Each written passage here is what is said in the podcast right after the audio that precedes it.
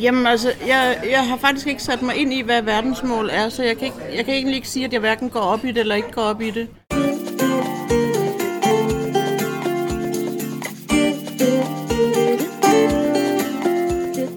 Du lytter til Verdens Bedste Mål, en podcast om FN's verdensmål for og med unge.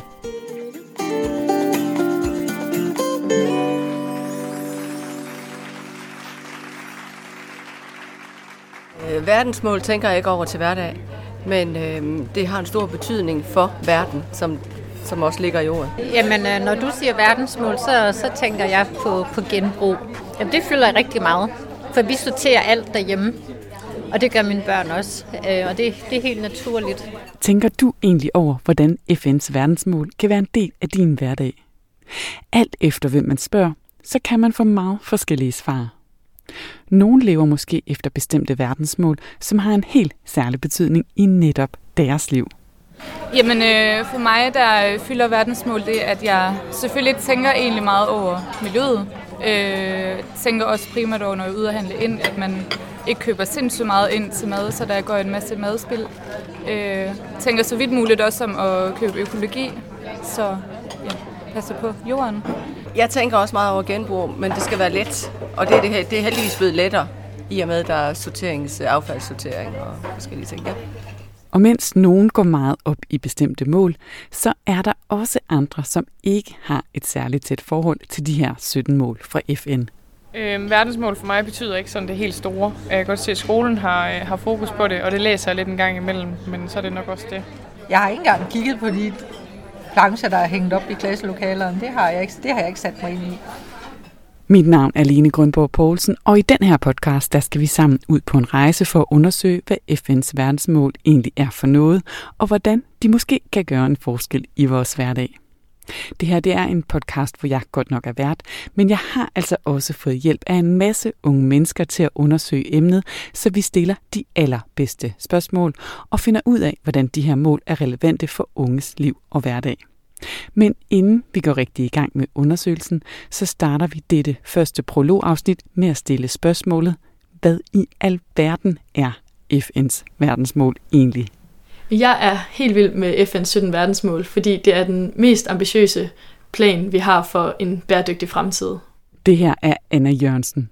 Hun er 26 år og ambassadør for verdens bedste nyheder, hvor hun blandt andet tager rundt til skoler og ungdomsuddannelser og fortæller unge om, hvorfor de skal være lige så begejstrede for FN's verdensmål, som hun er. Og jeg har sat hende i stævne for at forklare mig, hvorfor hun egentlig er så begejstret for de her mål. Jeg er helt vild med FN's 17 verdensmål, øh, fordi det er den mest ambitiøse plan, verden har lagt for at opnå en bæredygtig fremtid. Der er 17 verdensmål for bæredygtig udvikling og 169 delmål, og det er de mest vidtgående ikke-politiske visioner, vi har for verdens fremtid. De blev vedtaget i 2015 af 193 lande, og vi har indtil 2030 til at indfri dem. Jeg synes noget af det smukkeste ved FN's 17 verdensmål, det er, at det er et løfte til alle. Verdensmålene inkluderer hele verden og har en catchphrase, der hedder Leaving no one behind. Og det er det, der gør det så ambitiøst og vigtigt. Vi har haft øh, 8 2015 mål, før vi udviklede verdensmålene, og de handlede for eksempel om at halvere fattigdom. Og i dag der vil vi altså ikke efterlade den anden halvdel i fattige kår, men vi vil helt afskaffe øh, fattigdom, som er verdensmål nummer 1. Selv betragter jeg også verdensmål 17 som en metode til at opnå verdensmålene, og netop, øh, som netop handler om, at vi skal arbejde i partnerskaber. Og det er noget, vi både bruger på lokalt niveau, når vi arbejder sammen med forskellige institutioner og NGO'er, men det er også noget, som bliver brugt på international plan, landene imellem og øh, regeringer imellem, til at opnå og løse nogle af de her store konflikter. Anna, hun er altså fortæller for, at vi skal samarbejde om at løse verdens problemer gennem et fokus på FN's verdensmål. Som hun siger, så er der 17 konkrete mål og ikke mindre end 169 delmål, som forpligter FN's 193 medlemslande til helt at afskaffe fattigdom og sult i verden, reducere uligheder, sikre god uddannelse og bedre sundhed til alle, anstændige jobs og mere bæredygtig økonomisk vækst. Men det kan måske godt være lidt svært lige at huske alle de her 17 mål og 169 delmål. Så hvis man vil skabe sig et hurtigt overblik, kan man med fordel dele dem op i tre kategorier, forklarer Anna. Der er jo 17 øh, verdensmål, og det kan godt være svært at overskue dem alle sammen på én gang. Og derfor synes jeg godt, det kan hjælpe at inddele dem i de her tre grupper inden for bæredygtighed. Og vi arbejder med social bæredygtighed, som kan handle om for eksempel verdensmål 5, der er ligestilling mellem kønnene. Og det kan handle om økonomisk bæredygtighed, som handler om verdensmål 8, der er anstændige jobs og økonomisk vækst. Og det kan handle om klimamæssig bæredygtighed, hvor vi for eksempel har klimaindsats og livet på havet og livet på land. Og på den måde kan man godt overskue verdensmålene i de her grupper, og måske bruge verdensmål 17, som er partnerskab og forhandling, til at indfri de her øh, tre former for bæredygtighed. Altså at vi arbejder sammen både internationalt og i lokalmiljøet. Når man først hører om FN's 17 verdensmål, så kan de godt virke meget abstrakte og visionære. For eksempel er verdensmål 8 anstændige jobs og økonomisk vækst. Og der kan jeg i hvert fald godt blive i tvivl om, hvordan skal jeg kunne handle på det. Men ser man lidt nærmere på de delmål, der hører til verdensmål 8, så hedder delmål 8,6 for eksempel hjælp unge i arbejde, uddannelse og praktik. Og det er jo noget, vi kan kræve af vores øh, virksomheder, NGO'er og institutioner i Danmark, at vi som ungdom kan komme i godt arbejde, kan få en god uddannelse og få en god praktikplads. Og det skal vi altså kunne inden 2030. Alle sammen. Verdensmålene er ikke politiske, fordi i Danmark handler det ikke om, om du stemmer rødt eller blåt, om du kan se dig selv i verdensmålene. Metoden til at løse verdensmålene kan vi sagtens gøre politiske, det er der ingen tvivl om, men vi er faktisk enige om, at verdensmålene er noget, vi alle sammen arbejder for. På den måde kan man se dem som visioner for en bæredygtig fremtid, som vi alle sammen kan være enige om. For eksempel, at alle skal have ret til kvalitetsuddannelse. Men hvad det indeholder, og hvordan vi skal sikre kvalitetsuddannelse for alle, kan så være øh, en politisk vision lød det her fra Anna Jørgensen. Hun er som nævnt ambassadør for verdens bedste nyheder, og hun går vildt meget op i verdensmål. En ting er, at hun synes, det er spændende, men hun peger også på, at verdensmålene er særlig vigtige for danske unge mennesker, altså dem, der skal arve planeten. Jeg synes, at det er vigtigt for unge, når at vi skal handle i Danmark også, fordi det er ikke nødvendigt, at vi kun kigger til andre lande, men vi har faktisk brug for at øh, arbejde med verdensmålene helt ned på lokalt niveau. Og der er rigtig mange verdensmål, vi er blevet bedre til, siden vi vedtog dem i 2015. Men der er faktisk også nogle verdensmål, som, hvor vi er blevet dårligere på en række punkter.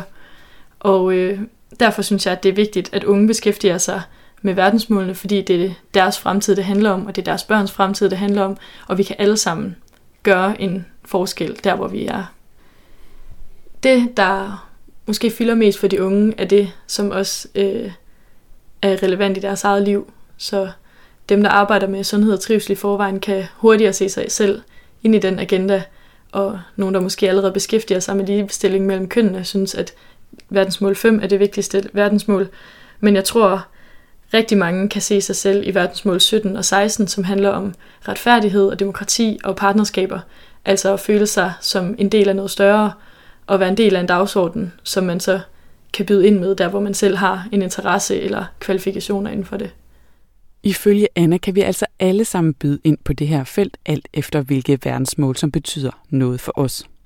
Selv der er Anna aktiv med at sprede budskabet om, hvordan man laver en bedre verden gennem verdensmålene, og det gør hun som frivillig ambassadør hos det, der hedder Verdens Bedste Nyheder – det er et website, som du også selv kan besøge, hvis du nogle gange bliver lidt træt af mediernes meget negative nyheder, så er det her altså virkelig et sted for dig.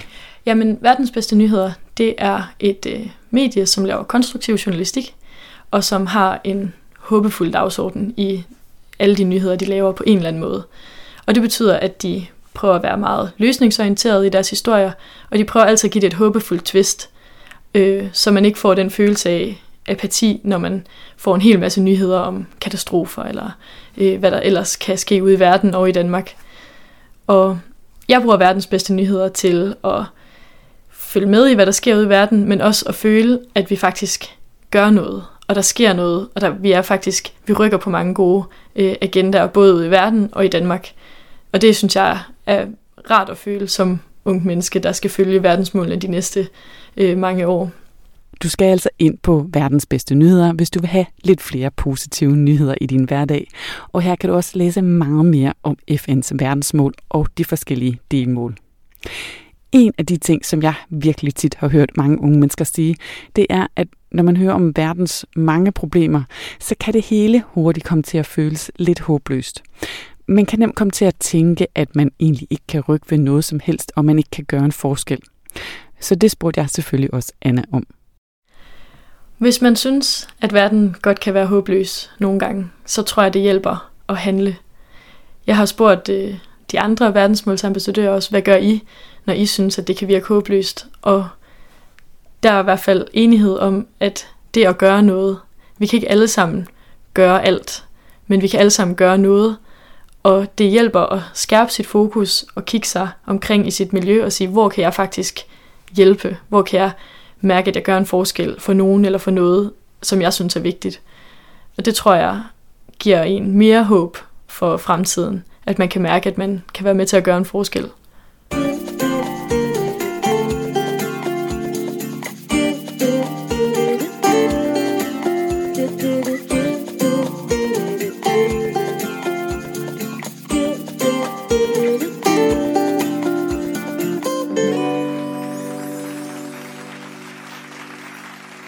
Du har lyttet til det første prologafsnit i podcasten Verdens bedste mål. En podcast om FN's verdensmål for og med unge. I næste afsnit der skal det handle om demokrati, når jeg sammen med tre gymnasiestuderende undersøger, hvordan fake news og ekokammer på sociale medier kan være en trussel mod demokratiet og dermed mod vores verdensmål. Det spørger vi blandt andet filosof og samfundsforsker Vincent Hendricks om, og så skal vi altså også teste hinanden i en omgang fup eller fakta med historier fra nettet. Tak fordi du lyttede med, og hvis du kunne lide det, du hørte, så husk endelig, at du kan give podcasten stjerner med på vejen, eller dele den med dem, du kender.